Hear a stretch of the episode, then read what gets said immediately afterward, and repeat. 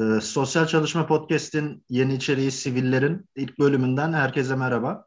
Ee, bu yeni içerikte, yeni programda e, sosyal hizmet uzmanlarının sivil toplum deneyimlerinden, sivil toplum kuruluşlarında çalışan e, sosyal hizmet uzmanlarının e, kendi aktarımlarıyla e, bahsetmeye çalışacağız.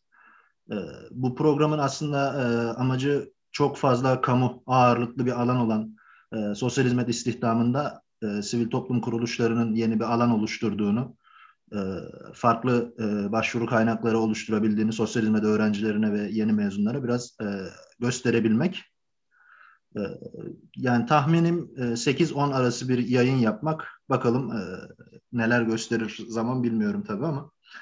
E, evet bugün hepinizin gördüğü üzere Koray e, arkadaşla beraberiz. Ben aslında çok iyi biliyorum kariyer basamaklarını ama dinleyicilerimiz için biraz tanıtabilir misin kendini? Tabii. Merhabalar öncelikle herkese. Ee, ben Koray Arkadaş. Hacettepe Üniversitesi Sosyal Hizmet Bölümü 2016 mezunuyum. Mezun olduktan sonra bir süre Ankara Bizim Çocuklar Spor Kulübü'nde otizm, Down sendromu ve mental retardasyon sahibi çocuklarla çalıştım. Orada aslında vasfım daha çok sosyal hizmet uzmanı değil de spor eğitmeni ve yaşam koçuydu diyebilirim. 2007 yılından beri de Kaos Kelle Derneği'nde sosyal hizmet uzmanı olarak çalışmaya devam ediyorum. Ee, bunun dışında Sosyal Hizmet Uzmanları Derneği Ankara Şube'de yönetim kurulundayım. Bir yıldan fazladır. Bir de yine Sosyal Hizmet Uzmanları Derneği Genel Merkezi LGBT artı hakları komisyonun başkanlığını yürütüyorum bu şekilde. Aslında mezuniyetinden beri senin e, sivil toplum alanında bir e, deneyimin var. Bu e, içinde bulunduğumuz istihdam koşullarının getirdiği bir şey miydi yoksa kendi tercihin miydi? Daha önce lisanstayken e, ne tür deneyimlerin oldu? Staj, gönüllülük gibi bunlardan biraz belki bahsedebiliriz. Tabii olur. Aslında e, üniversite hayatımın ilk yıllarında devlette çalışmayı düşünüyordum diyebilirim. Hı hı. Ama üniversite yıllarında sivil toplumla tanışmamla birlikte ve devletin dışında da sosyal hizmet uzmanları için istihdam alanlarının olduğunu gözlemledikçe daha çok sivil topluma kaydım diyebilirim. Peki ben bu sürece nasıl başladım? Biraz da ondan bahsedeyim aslında dediğin Hı-hı, gibi. Tabii. Ee, bu işe girmem 2017 yılında Kaoskere Derneği'nin sosyal hizmet uzmanı ilanını açmasıyla aslında oldu. Üniversite okurken de 2014 ve 2016 yıllar arasında Çağdaş Yaşamı Destekleme Derneği'nin bursiyeriydim. Ee, ÇYDD'nin Şentepe projesi kapsamında ilkokul ve ortaokul öğrencilerine gönüllü olarak ders verme gibi bir imkanım oldu. Yine orada Deniz Yıldızı projesi kapsamındaysa her hafta alanında uzman kişilerle bir araya gelip bir, bir konu hakkında e, söyleşiler yapıyorduk. 2015-2016 öğretim yılında da şu anda çalışıyor olduğum Kaosköy'le zorunlu sosyal hizmet stajımı yaptım. Bu staja başlamam da nasıl oldu? Ee, biraz ondan bahsedeyim. Üçüncü sınıfta Emrah Kırımsoy'un bas karşıtı uygulama diye bir dersi vardı. Emrah Hocam siz de davetlisiniz bu arada. Haberiniz olsun. ee, ve sağ olsun Emre Hocam o derse bir hafta Umut Güner'i davet etmişti. Umut, evet. Umut uzun yıllardır Kaos de hem gönüllülük hem de çalışmaya devam ediyor. evet. Kendisi bu arada 25 yıldan fazladır da sosyal hizmet bölümüne devam ediyor. Umarım mezun olacak bu yıl ya da önümüzdeki yıl. evet. ee, bu staj yani yapmaya Umut Güner'i o derste dinledikten sonra ben dedim ki LGBT artı alanında staj yapacağım mutlaka ve eğer mümkünse Kaos Gele Derneği'nde staj yapacağım. Ee, bu, bu şekilde 2015-2016 öğretim yılında hani LGBT artı alanını ilk sıraya yazarak o staj döneminde çünkü böyle bir seçim yapmamız gerekiyordu. E, bu şekilde staj yapmaya başladım. Aslında staj dönemi... çok kısa bölüyorum. Senin deneyiminden şeyi çıkarabiliyoruz. Ee, ya mezuniyetten sonra STK'da çalışmayı düşünen, bu alanda bir kariyer yolu çizmek e, gibi bir plan yapan öğrencilerin, sosyal hizmet e, öğrencilerinin e, daha lisanstayken gönüllülük faaliyetlerine, e, stajlarına başlamaları da çok artı kazandırıyor gibi. Çok değerli olur. Bu konuda gerçekten çok Hı-hı. haklısın. Ee, yalnızca kişilerle temas etme ya da alanları tanıma bağlamında değil, birlikte çalışma becerisinin geliştirilmesi için de özellikle bu gönüllü deneyimler çok çok önemli diyebilirim. Ya da krizde müdahale aşamalarında e, daha soğukkanlı kalabilmek ve daha doğru hamleler yapabilmek adına gönüllülük deneyimleri gerçekten değerli. Hı hı. E, bu staj döneminde neler yaptık? Biraz ona istersen bahsedeyim daha sonra. E, staj döneminde Kaos Gelen'in Türk Psikologlar Derneği ile birlikte ruh sağlığı alanında çalışan meslek profesyonel, profesyonellerine yönelik gerçekleştirdiği e, ruh sağlığı atölyelerini takip etme şansım oldu. Bu atölyelerde cinsel yönelim ve cinsiyet kimliği gelişimlerini ve LGBT artı alanının diğer alanlarla kesişimlerini birbirinden değerli uzmanlar ve özneler sayesinde öğrendim diyebilirim. Spesifik olarak bir alana temas etmenin, öznelerle bir araya gelmenin oldukça geliştirici olduğunu belirtmek istiyorum. E, bu yüzden staj dönemi bu gelişimler için oldukça önemli bir noktada duruyor. Aslında ufaktan bir giriş yaptık. Bir sonraki akışta e, benim düşündüğüm, konuşmayı düşündüğüm sorulardan birisi bir sivil toplum kuruluşunda ya da KSGL üzerinden de konuşabiliriz. Senin e, gördüğün, ettiğin kişilerin üzerinden de konuşabiliriz ama bir sosyal hizmet uzmanı sivil toplum kuruluşunda e, neler yapabilir, neler yapar, neler yapmalıdır, e, nasıl bir çalışma şekli var, e, hangi faaliyetleri yürütebilir, sosyal hizmet eğitiminde e, gördüğümüz e, hizmet alanlarıyla STK'lar ne kadar ilişkili, e, nasıl bir çalışma şekli var, belki bunlardan da e, bu noktada bahsetmek gerekebilir birazcık. Tabii. Ee, sivil toplum, şimdi her sivil toplum birbirinden farklı olabiliyor. Ama senin de aktardığın gibi ben kendi deneyimden hı hı. özellikle örnek vereceğim. Ee, şimdi sivil toplum deneyimi özgürleştirici. Ee, dikey ilişkilenmenin değil yatay ilişkilenmenin önemsendiği, herkesin herkesten her zaman bir şeyler öğrenebildiği bir deneyim diyebilirim. Defne Kaoskel'e de birlikte çalıştığım diğer sosyal hizmet uzmanı. Defne'ye de buradan selamlarımı. Ben de ben de çok selam söylüyorum. Sosyal hizmet uzmanı olarak hani biz ne yapıyoruz Defne ile birlikte? Danışanlarımıza danışmanlık sağlıyoruz. Bu arada sen ee, mülteci programındaydın. Bunu söyledik mi? Evet. Hatırlayamıyorum ama mülteci LGBT programında. Evet. LGBT artı mültecilerle çalışıyorum. Bu arada Kaos GL e, Türkiye LGBT artılara danışmanlık sağlamayı bıraktı. Daha çok 17 Hı. Mayıs'ta Erneği şu anda bunun Anladım. yürütücülüğünü üstleniyor. Bu bilgiyi de geçmiş olan. Bu, evet. Şey, reklamlar. bu da kısa. Herkes için. Alandan bilgilendirme. Evet. Küçük küçük notlarımızı koyalım buraya. Hmm, Defne ile birlikte mülteci hakları programı kapsamında LGBT artı mültecilerle ne yapıyoruz? Dediğim gibi danışmanlık sağlıyoruz LGBT artı mültecilere. Hı. Hukuki ve sosyal danışmanlık sağlıyoruz. Hukuki danışmanlık konusunda bizim dahil olamayacağımız yerlere hani özellikle birlikte çalıştığımız avukatımız dahil oluyor. Ee, danışman sağladığımız danışmanlıkları sisteme işliyoruz danışanlarımızla birlikte hareket ederek başladığımız bu süreçlere nasıl devam edebileceğimizi birlikte konuşuyoruz. Hı. Yine birlikte hareket ederek kurumlara yönlendirmeler yapıyoruz. Kurumlarla e, temas ederken heteronormatif ve cisnormatif olmayan bir sosyal hizmet için savunuculuk yapıyoruz.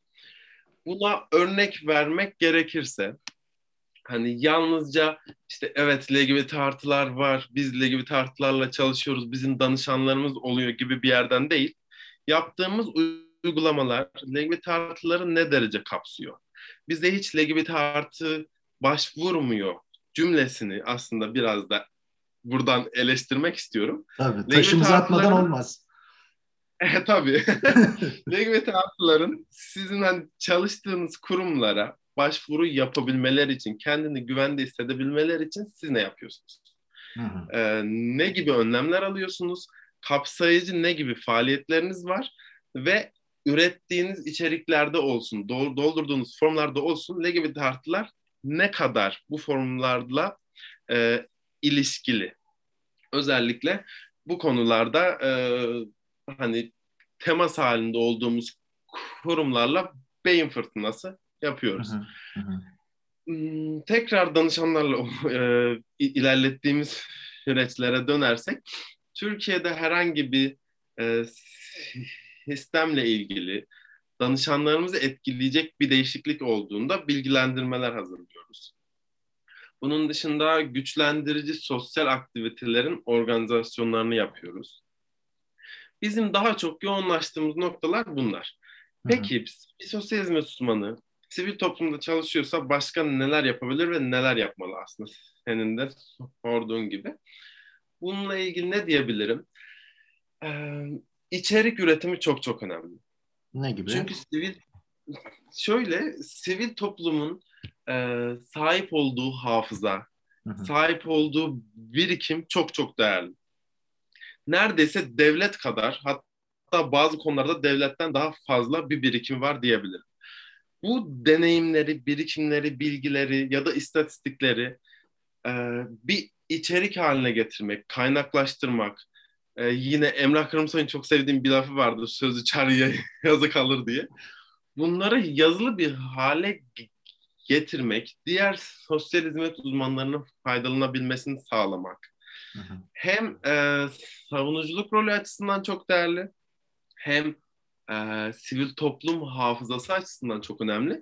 Hem de karşılaşılan problemlerle nasıl daha iyi mücadele ederiz? Nasıl yeni yöntemler geliştiririz? E, bunları birlikte düşünebilmemiz için bu içerik üretimlerinin oldukça değerli olduğunu düşünüyorum. Bir de e, savunuculuk yalnızca tabii ki e, içerik üretmekte olmaz. Örnek veriyorum mültecilik alanında şu anda uluslararası koruma altında olan kişilerin sağlık sigortalarının aktif olmaması. Yani bu bu konuda özellikle hep bir araya gelip e, nasıl bu sigortaların tekrar aktif hale gelmesini sağlayabiliriz? Bunu sürekli konuşuyor olmak, bunun savunuculuğunu yapıyor olmak çok çok değerli. Ben yalnızca bir örnek üzerinden ilerledim. Tabii, ee, tabii. Daha fazla Çoğalt, örnek... Çok net çoğaltılabilir bu zaten. Evet. Şeyle ilgili ben de bir e, yorumda bulunmak isterim. Bu çalışmaların, e, vakaların kayıt altına alınması, e, yazılı olarak e, ya da elektronik ortamda bir şekilde paylaşılması, tutulması e, sosyal hizmet e, açısından Türkiye'deki bilgi birikimini çok arttıran e, noktalardan birisi. Biz e, bunu bazen e, kendi aramızda konuşuyoruz ama e, çok fazla hikaye var aslında. Çok fazla e, gün içerisinde bizim rutin e, olarak yaptığımız ama aslında arka planında çok ciddi bir mesleki çalışma, çok ciddi bir emek olan e, bir sürü e, şey aslında biz bunları kayıt altına almadığımız için, bunları bir şekilde yazılı hale getirmediğimiz için uçuyor gidiyor. Bunun e, ben de çok önemli olduğunu düşünüyorum. Sivil toplumda da çok ciddi bir emek olduğunu bizzat e, tecrübe ettiğim için e, hı hı. bunun yazılı olarak tutulması çok önemli gerçekten. Şeyle ilgili bir şerh düş, düşmek isterim ama bu e, evet STK'larda bazen e, bir dikey örgütlenme yerine daha yatay bir örgütlenme olabiliyor ama e, ister istemez her kurum içerisinde bir hiyerarşik yapı e, mutlaka oluyor. Yani bir sivil toplum e, kuruluşu da hani böyle gökkuşağının altında unicornların gezdiği gibi bir ortam değil. Orada da bir hiyerarşi var. O konuyu da şey yapalım. E, bazen çünkü algı kayabiliyor. E, hani STK çok rahat şöyle böyle falan. O, o kadar rahat değil orası da. Orada da bir hiyerarşi var. Elbette. Her yerde Elbette olduğu gibi evet. aslında. E, çok haklısın. Şeyden e, belki çünkü... birazcık. Heh, dinliyorum. Aslında çünkü daha fazla bilen biri var ve daha az bilen var. Hani bu doğuştan bir hiyerarşi aslında. İster e, istemez. Belli ediyor. İster istemez. İster istemez. Evet. Ben bir, bir yere daha bir parantez açmak istiyorum. Sen evet. hazır bir parantez demişken. Hemen. Evet hani içerik üretmek çok değerli. Bunu söylüyoruz ama sosyal hizmet uzmanlarının takip ettiği ya da takip etmeye çalıştığı danışan sayısı da çok fazla olduğu için içerik üretmeye ne yazık ki zaman ve enerji kalmayabiliyor. Çok doğru. Çok bu yüzden tam da bu yüzden e, belki e, sivil toplumda örgütlenirken ve iş tanımlarını yaparken e, bir ya da birkaç kişinin daha çok içerik üretmeyle ilgilenmesi, daha az danışan görmesi belki bu süreci evet. kolaylaştırabilir diyerek tekrar buradan, ben sözü sana bu, Buradan donör kuruluşlara sesleniyoruz. Hibeleri arttırıp lütfen sayıları yüksek tutmayın. yüksek tutmayın bu kadar çok dosya görüyor sivil toplumcu arkadaşlarımız. Ee, sosyal hizmet uzmanı için abi sivil toplumda çalışmanın avantajları neler? Yani hiyerarşik ortamın daha yatay olmasından bahsettik ama bunun dışında e, ne gibi avantajlar oluyor? Ben bunu önce kişisel olarak cevaplayayım mı? Yani bir sosyal Tabii. hizmet uzmanı olmasan bile bir çalışan olarak nasıl bir avantajları var? İstersen hı, buradan başlayayım. Hı. Tabii ki. Bir kere özlük haklarının daha fazla korunmaya çalışıldığını söyleyebilirim. Hı hı. Örnek vermek gerekirse bu yalnızca işte ücret ya da izin hakkı gibi değil. Mesela Kaos GL'de regl olan kişilerin ayda iki gün izin alma izin hakkı var. var. Yalnızca regl oldukları için. Hmm, Ben bunun toplumsal cinsiyet eşitliği açısından oldukça değerli olduğunu düşünüyorum. Hatta Kaos GL bunu yaptıktan sonra birkaç e, yerde e, bu uygulamayı getirdi. Bunlardan birisi e, Tunceli Belediyesi'ydi yanlış evet, hatırlamıyorsam. Evet, evet, evet. Yine bazı kadın örgütleri de böyle bir kolaylık. E, daha, daha doğrusu kolaylık de diyemeyeyim. Çok özür diliyorum. Bir hakkın Olması aslında verilmesi. Evet. Hak. Ee, böyle bir avantaj var. Ya da mesela bir kişi cinsiyet uyum sürecindeyse çalışma günlerini ve saatlerini o e, cinsiyet uyum sürecine göre organize etme. Hı hı. Ya da ebeveyn olan e, bu yalnızca e, bir hani kendi türünden e, bir çocuğa ebeveyn olma değil bir kediyle bir hayvanla vesaire e, bir köpekle birlikte yaşayan kişilerin de çalışma saatlerini o e, kedinin köpeğin ya da diğer hayvanların öz bakımlarına göre yine o organize etmek. Kullandığımız gibi. terimi seçeceğiz diye değil mi? evet gerçekten çok dikkat edin. evet. Aman yaş tahtaya basma. Ağzımızdan bir şey gelmesin. Kapsayıcı olsun. Kullanılan. çok önemli şeyler bunlar çünkü. Biliyoruz ediyoruz Tabii. ama. Bunun dışında e, herhangi bir devlet kurumunda çalışana göre baskıyı daha az hissedebiliyoruz. Tabii hiç devlet kurumunda çalışmadığım için karşılaştırmasını yapamam. Yalnızca devlet kurumu, herhangi bir devlet kurumunda çalışanlardan, e, çalışanlarıyla birlikte yaptığımız deneyim aktarımlarından dolayı şu anda bu şekilde konuşuyorum. E, yani o baskıyı daha az hissediyoruz diyebilirim. E, tabii kendi kendimize verdiğimiz bu baskılar ona hiç girmiyor. Orası başka. Kendimize çok yükleniyoruz çünkü bazen.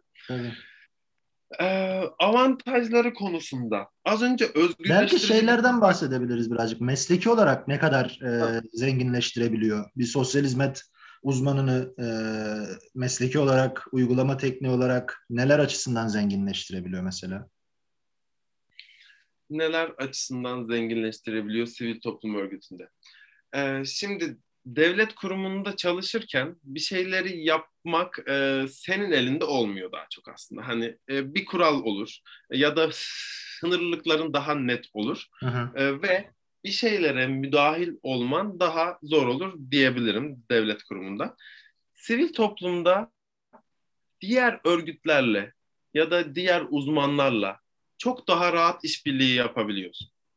Hani herhangi bir yerden bir izin almana gerek yok mesela. Ya da ben şu kişiyle işbirliği yaparsam başım ağrır mı daha sonra? Kurumum böyle e, bu konuda bana bir zorluk çıkarır mı? E, bundan dolayı işimi kaybeder miyim gibi gibi. E, bu gibi e, hani engelleyici faktörler yok. E, hani multidisipliner çalışmanın ne kadar değerli olduğunu her zaman aslında konuşuyoruz. Tabii ki. Biz sosyal uzmanlar olarak psikiyatrlarla, avukatlarla, psikologlarla ya da e, diğer meslek gruplarıyla bir araya gelip bir çalışma yapmanın ne kadar geliştirici olduğunu biliyoruz. Ee, sivil toplumda bu bir araya gelişleri ben çok önemsiyorum. Bunu da bir avantaj olarak görüyorum diyebilirim. Çünkü hani hep sosyalizm uzmanları bir araya gelip hep benzer şeyleri konuşmak o çemberi biraz daraltabiliyor. Daral, evet, evet, evet, ne kadar evet. geliştirirsek e, çok daha hepimiz için öğretici bir süreç oluyor. Ee, bunun dışında nasıl avantajları var? Bir yandan düşünüyorum başka nelere. Benim aklıma gelen bir şey var. Onu söyleyeyim. Belki senin de e, fikrini e, alma şansımız olur bu konuyla ilgili. E, ya takdir eder ki dinleyicilerimiz de sivil toplum kuruluşunda çalışmak bir e, bir noktada bir tür hak mücadelesine de dönüşebiliyor. E, danışanlarınız size başvuran kişileri e, kamu kurumlarından bir e, sosyoekonomik bir politik hakkını alması noktasında yönlendirebiliyoruz. Ki bazen de sivil toplumda çalışırken bir duvarla karşılaşabiliyoruz. Ee, kendim hem iki tarafta da deneyimim olduğu için çok rahat bir şekilde söyleyebiliyorum. Zor bir süreç olabiliyor. Ee, aslında STK'da çalışmak bu zorlayıcı e, şartlar nedeniyle sosyal uzmanlarının kriz yönetimi becerilerini hem müracaatçıdan e, kaynaklanabilen hem e, içinde bulunduğu e, sosyal politika sisteminin, sosyal hizmet sisteminin e, daraltıcı şartlarından kaynaklı olarak o kriz yönetim becerilerini çok arttırdığını düşünüyorum ben STK tecrübesini. Sen ne dersin? Bununla ilgili ya da başka ekleyeceğim bir şeyler var mıdır? Ben bunu hem bir avantaj olarak hem de bir dezavantaj olarak görüyorum. O sürekli duvara çarpma hali. Evet. E, evet hani sürekli bir çözüm arıyoruz. Sürekli e, daha iyi nasıl olabilir, daha iyi bir yönlendirme nasıl sağlanabilir ya da o yönlendirmeden sonra hakkı erişim, hizmete erişim nasıl kolaylaşabilir? Evet bunları hep düşünüyoruz. Hı hı. E, ama o sürekli bir duvara çarpma hali, sürekli bir e, engele takılma durumu e, bir yandan da umutsuzluğa seni sürüklüyor. Hı hı. Yapacağın diğer hamlelerde ister istemez aa yine olumsuz yanıt alır mıyım acaba? Bu yüzden motivasyonumuzu taze tutmak çok çok değerli bu noktada.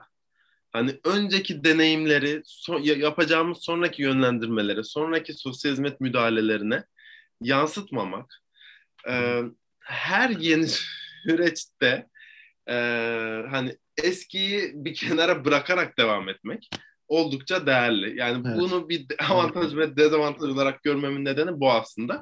Çünkü ben bir dönem gerçekten o umutsuzluğa kapıldığımı ve e, pasifize olduğumu hissettim diyebilirim.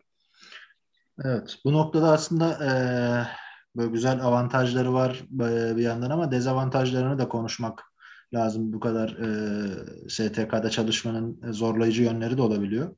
Ben e, belki bu noktada bir kısa bir giriş yapıp e, hem kendi meramımı da birazcık açıklamış olurum. E, ben şimdi kamuda çalışan birisi olarak e, sivil toplumla ilgili bir içerik üretiyorsun. Hayırdır e, diyenler için e, benim iki yıllık bir STK deneyimim var bir kurumda e, mülteci alanında gene. E, bu nokta aslında e, benim kamuya geçişimi de tetikleyen şeylerden birisi olmuştu. Şimdi STK'ların e, çok bilindik bir şey. Proje usulü bir çalışma sistemi var. E, bunu birçok arkadaş, o büyük e, mülteci STK'larında çalışan arkadaşlar iyi bilirler. E, işte proje bitiyor, ofis kapanıyor, e, işsiz kalabiliyorsunuz. Bu aslında çok büyük bir dezavantaj sivil toplumda e, ilerlemeyi engelleme açısından. E, yani o proje bitebilir, her an işsiz kalabilirsiniz. Projenin yenilenip yenilenmeyeceği ile ilgili ee, evet genel bazen yenileniyor ama bazen o projenin yenilenmeme ihtimali de var. STK'da çalışmanın böyle bir e, küçük bir güvencesizlik hali yarattığını e, ben düşünüyorum her zaman. Başka dezavantajlar neler var senin aklına gelen? Ee, bu arada hani proje bitince diyorsun ya bu, bu projeler de 6 aylık bir yıllık oluyor genelde. Aynen öyle. Hani Aynen 3 öyle. yıllık 5 yıllık olsa hani yine o stresi daha az yaşıyor insanlar ve evet. daha uzun vadeli hesaplamalar bazen, yapıyor. Bazen, bazen iş ilanları görüyoruz mesela 6 aylık e, şey arıyor bir kadrosuna e, personel arıyor. Yani hani insanı gerçekten bir yandan e, umutsuzluğa sürükleyen şeylerden birisi de bu üzücü bir şey yani 6 aylık bir e, proje için gerçi ona bile başvuruyorsunuz yani kendi deneyimimden de bildiğim üzere. Ya o Hı-hı. evet büyük bir risk e, evet, çalışmak isteyenler gerçekten. için. Bu arada bizim projemizin ismi Türkiye'de yaşayan LGBT artı mültecilerin insan haklarını geliştirmek. Hı hı. Bir yıl bir yıl yenileniyor ama bizim sözleşmemiz belirsiz iş sözleşmesi. Hı hı. Bunu da ifade etmek istiyorum. Yani bu projeye bir şey olursa e, tamam artık sizle çalışmıyoruz gibi bir durum söz konusu değil. Hı hı. E, Kaos bunu da önemsiyor diyebilirim. Hı hı. Sivil toplum kuruluşunda çalışmanın başka dezavantajı e, o duvarlardan yine örnek vermek istiyorum. O kadar çok maruz bırakılıyoruz ki o duvarlara. Hı. Özellikle LGBT ve mülteci alanı yani. Evet. Duvardan bol bir şey yok. Ee, yok gerçekten.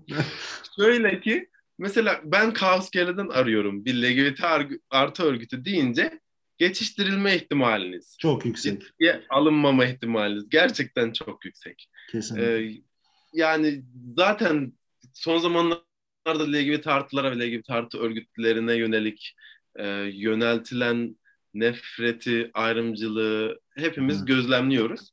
Hı. Bu ister istemez bizim temas etmeye çalıştığımız kişi ve kurumlara da yansıyor elbette.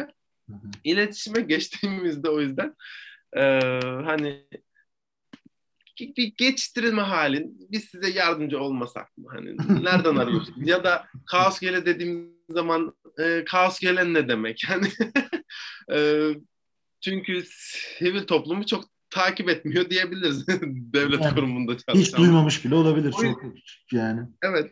Ya bir ön yargı ya da bir bilinmezlik hali söz konusu oluyor bu e, temas edişlerde. Evet. Evet. E, aslında bu şeye de çok benziyor ya. Bizim mesleki bir kaderimiz var ya sosyal hizmet uzmanları her gittiği yerde bir sıfırdan kendi mesleğini e, ne yaptığını açıklamaya çalışır ya aslında STK'da çalışınca da o çok yaşanıyor. Yani arıyorsun bir yeri ve sen kimsin? Yani, yani niye beni aradın şimdi? Sorusu çok e, net bir şekilde karşına çıkabiliyor o e, tecrübe içerisinde, o çalışma içerisinde.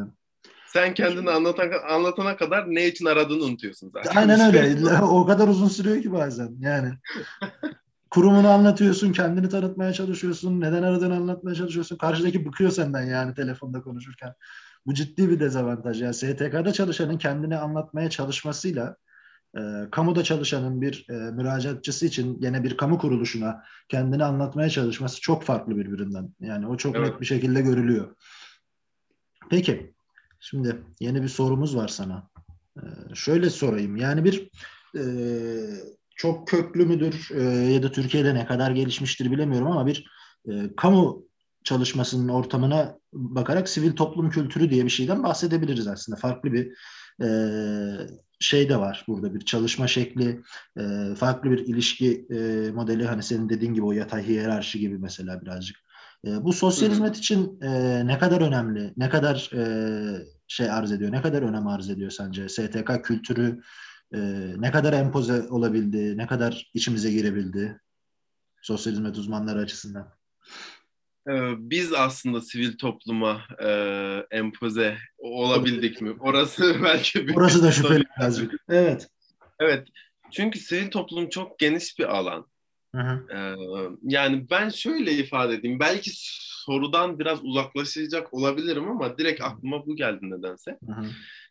Şimdi doğru ya doğru e, eğri oturup doğru konuşalım sanırım doğru söyledim ha, evet, okay. kalıbı. Oldu. ee, şöyle ki sivil toplum biz sosyalizm Müslümanlarına çok şey öğretti. Hı hı. Ee, evet okulda aldığımız bir teori var. Okulda aldığımız bir müdahale yöntemleri, uygulama becerileri vesaire var. Ama okullarda alandan biz çok uzaktık. Hı hı. Ve sivil toplumda okuldan, üniversiteden öğrenmediğimiz ve belki de yıllarca insanların öğrenmeyeceği yani üniversitede öğrenmeyeceği şeyleri biz sivil toplumda öğrendik. Devlette bu tam tersi Öğrendik ya Farsça. De, değil Daha mi? ne olsun? Doğru söylüyorsun. Neyse, ee, geyiğe ben şimdi. Devam. Aslında ifade etmeye çalıştığım şey şu. Biz devlet kurumlarına ya da devlet kurumlarında çalışan kişilere bakın haklar bu e, ve bu kişi bu hakka erişmeli. E, bu kişinin zaten doğuştan gelen bir hakkı. Ya da şöyle hizmetlerden şu kişiler yararlanmalı gibi gibi e, deneyim aktarımı ve bilgi aktarımı genelde yapıyoruz. Ama sivil toplumda o alan bilgisi o kadar yoğun ki danışanlarla temas halinde olma e, ve öznelerin özellikle örgütlenmelerde büyük bir e, görev ve sorumluluk alması sosyal hizmet uzmanları için de e, hani güzel bir yere düşüp e, orayı nasıl birlikte daha iyi geliştirebiliriz özellikle odaklanmak. Hı hı. Hani hı sıfırdan başlayıp evet şu hakka ihtiyaç var. Bu hizmetlerden yararlanma yani yararlanılmalı değil de zaten hali hazırda var olan bir e, hak temelli bir anlayışın içinde birlikte nasıl daha e, iyi şeyler yapabiliriz, iyi uygulamalar gerçekleştirebiliriz. Özellikle bunlara yoğunlaşılan bir alan oluyor. Hı hı. Sıfırdan başlamak mı bir sosyal hizmet uzmanı için e, ya da sosyal hizmet mesleği için daha rahatlatıcı ve e, ilerleyici bir şey olur? Yoksa bu dediğim noktadan başlamak. Elbette hı hı. bu noktadan başlamak e, daha geliştirici oluyor hepimiz için. Bu yüzden tam da bu yüzden sivil toplum kültürü sosyal hizmetin sosyal hizmet uzmanlarının çalışma ortamı için oldukça değerli. Tabii ki bir önemi var. Hı hı. E, tam da bu noktayı demişken ama bu sefer ne ne oluyor? Hadi bakalım. Ee, bir şeylerin biraz daha farkında olmak ya da yapılacak çok şeyin e, yap, yani yapmamız gereken çok şey olduğunu fark etmemiz e, bizlere sanırım daha fazla şey yap, yapalım. Enerjimiz önemli değil ya da e, zaman kontrolümüz önemli değil. Düşüncesini yerleştiriyor beynimize. Onu da yapalım, bunu da biz yapabiliriz, şunu da yaparız tabii ki. Biz yapmayacaksak kim yapacağız? Gibi düşüncelere sahip olabiliyoruz. Bu da bir yandan tehlikeli. Hı-hı. Niye Bu tehlikeli? Dezavantaj olarak belki yazabiliriz bunu da bir yandan. Elbette, elbette yazabiliriz. E, çünkü her şeyi biz yapamayız. Bunu kişisel olarak da söylüyorum, kurumsal olarak da söylüyorum. Hı-hı. Her yere yetişmemiz imkansız. Hı-hı. O aktivizm ruhu aslında o e, bunu da yapabiliriz'e iten şey bizi ama e, hem m, buna e, enerjimiz e, zamanımız olmayabilir hem de yaptığımız işlere yoğunlaşmamızı da engelleyebilir. Düşünsene hani 15-20 işle aynı anda uğraşıyorsun ve hepsini parça parça yapıyorsun bazen. Halbuki üç tane şeyle uğraşsak aynı anda ve onları e, onlar onlar için tamamıyla yoğunlaşıp e, bir çıktı elde etmeye çalışsak çok daha değerli olur. Ama tabii ki bir sivil toplumun bir sınırı yok bu konuda. Yani sonsuz şey yapabiliriz diye düşünüyoruz. Yani, bu da özel eleştiri sadece sivil toplumda mı bilmiyorum bazen sosyal hizmet e, öğrencisi e, ya da meslektaşımız olmuş olan arkadaşlarda da ben fark ediyorum bunu. Yani e, elbette ki her şeyi, her alanı e, özümsemiş olmamız mümkün değil yani. Bazen gerçekten sadece çalıştığımız alanla ilgili bir fikrimiz olabilir. E, evet. Bunu kabullenmekte yarar var. Yani e, size öğretilen o e, Süpermen, süper kahraman, e, men demeyelim şimdi şey olur, kapsayıcı olmaz ee, süper kahraman hikayeleri doğru değildi. Yani sosyal hizmet uzmanı süper kahraman değil. Sosyal hizmet uzmanı gerçekten e, içinde bulunduğu e, devletin sosyal politikalarının e, sosyal hizmete bakışının sınırladığı, bunun içinde e, çalışabilen e, meslek elemanları. Yani sosyal hizmet uzmanları bunu değiştiremeden e, bu sistemin içerisinde e, bireysel olarak belki bir şeyleri değiştirebilir. Ben bundan bir mesleki doyum elde edebiliyorum. STK'dayken de elde edebiliyorum. Kamudayken de elde edebiliyorum. Ee, bir kişinin dahi e, hayatıyla ilgili bir değişim üretebilsem benim için aslında e, önemli bir şey. Ama her şeye yetişemeyiz. Yetişmemeliyiz zaten. Yet mümkün değil böyle bir şey. çok çok haklısın ve her şeye hakim olamayız. Sınırlıklarımızı bilmemiz gerekiyor. Aynen öyle. Sınırlılığı bilmek aslında bizi de rahatlatan bir şey daha az yoruyor ve başka şeylere daha fazla enerjimiz kalıyor aslında. Evet. Neyse biz bunu çok e, uzatabiliriz seninle biliyorsun yani bizim huyumuzdur. E, şöyle yavaş yavaş kapatmaya e, başlarken aslında şunu tekrar başta söylediğimi e, sonda da tekrarlamak isterim. Dediğim gibi sosyal hizmet e, istihdam alanları bizde e, üniversitede sosyal hizmet bölümünün ilk kuruluşundan e, neredeyse 2010'lu yılların ortalarına kadar kamu ağırlıklı. E, hala da öyle aslında atanalım, atanabilir miyiz? Şu kadar istihdam, bu kadar istihdam. Hep e, bir kamu odağı üzerinden ilerliyor. Hı hı. Ama bir yandan da e, Avrupa Birliği projeleri, büyükelçiliklerin projeleriyle beraber devasa bir hale gelmiş bir sivil toplum e, örgütleri ortamı var. Özellikle mülteci alanında bu e, çok yaygın bir şekilde var. İşte e, Türk Kızılayı, ASAM vesaire, Kaos GL var, Pozitif Yaşam var, Yeşilay var. Bunların hepsinden konuk çağırmaya çalışacağım bu arada. Ee, burada çok ciddi de aslında bir istihdam fırsatı var. Evet.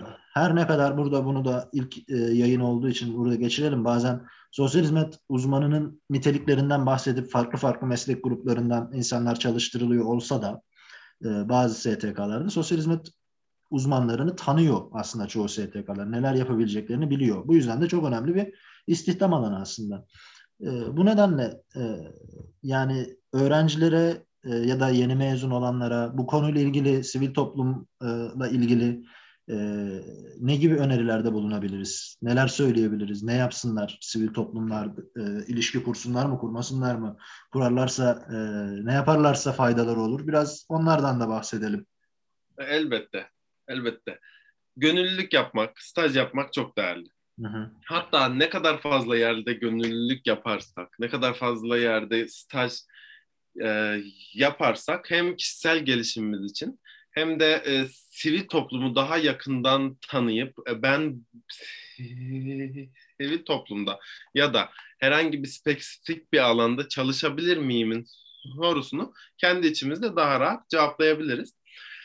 Az önce sen de bahsettin mültecilik oldukça son dönemde hani son 10 yıldır özellikle daha yoğun bir şekilde Suriye kriziyle birlikte e, Türkiye'de sosyal Müslümanlar için istihdam alanı açan e, bir şey. Çok ciddi bir alan hem de.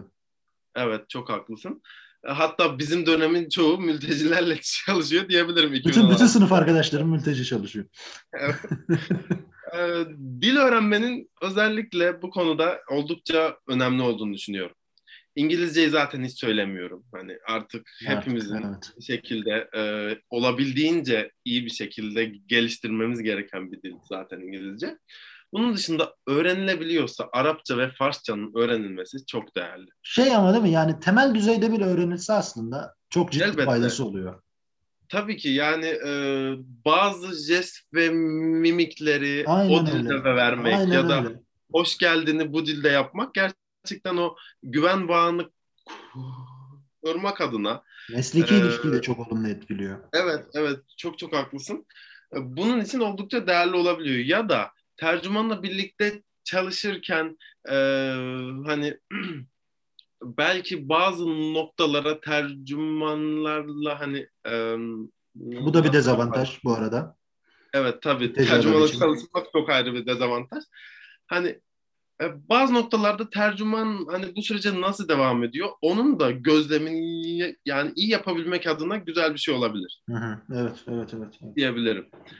E, başka e, çalışmaları çalışmamaları konusunda. Ha bu arada şunu beklemek biraz hayal kırıklığına neden olabilir. Belli bir mesai saatim olsun. İşte sabah atıyorum 9 ya da 10'da başlayayım, 5'te 6'da bitireyim Böyle bir dünya yok sivil toplumda. Maalesef, maalesef. Her an her yere eklemlenebiliyorsun. Çalışma saatinin elbette bir sınırının olması güzel. Hı-hı. Ama hani mesela atıyorum şu anda seninle bu, bu yayını yapıyoruz. Sivil toplumda çalışan kişilerin e, bu, e, mesela bu gibi katkıları daha yoğun olabiliyor. Çünkü niye? Daha ulaşılabilir oluyor. Yani Ankara'daki üniversitelerde sosyal hizmet okuyanlar seni tanıyordur az çok. E, belki evet. Yani, yani, yani. yani daha, mutlaka bile yani. gitmişsindir yani onların. Böyle şeyler de çok Dediğim gibi oluyor. daha onu söylemek istiyorum. Elbette elbette çok yani. sık oluyor. Doğru söylüyorsun. Daha ulaşılabilir olmanın yanında Ee, ne diyecektim? Şu anda ne diyeceğimi unuttum. Çok unutturdun değil mi? Gerçekten unuttum. ha, e, ha, şu anda aklıma geldi. Bir şeylere eklemlenme ihtimali ya da e, o aktivistliğin yine getirdiği bir şey. Sivil toplumun aktivistliğin getirdiği bir şeyle hani e, dahiliyetler daha fazla oluyor. Mesela işte ben Kaos Gele'de çalışmasam belki Sosyal Hizmet Uzmanları Derneği'nde e, gönüllülük yapmazdım mesela belki. belki. Şu anda bilmiyorum hani e, ama muhtemelen e, Sosyal Hizmet Uzmanları Derneği ile bu kadar yakın temasta olmazdım yani. Hı hı. Bu şekilde. Anladım. Evet. E, teşekkür ederim dostum. E, ben teşekkür ederim. Bana eşlik ettiğin için. Ee, dediğim gibi başta söylediğim gibi e, siviller e, yayınları bu şekilde sivil toplum alanında çalışan sosyal hizmet uzmanlarının deneyimlerini e, yani en azından dediğim gibi bir e, 8-10 bölüm çıkartmaya çalışacağım. E, bu şekilde aktarmaya çalışacak e, bir seri olacak. Umarım e, hem öğrenci arkadaşlarımız için hem yeni mezun arkadaşlarımız için arayış içerisinde olan e, arkadaşlarımız için faydalı olmuştur. İyi akşamlar diliyorum herkese. İyi akşamlar. Davet ettiğin için tekrar çok teşekkür ederim Emre. Eyvallah.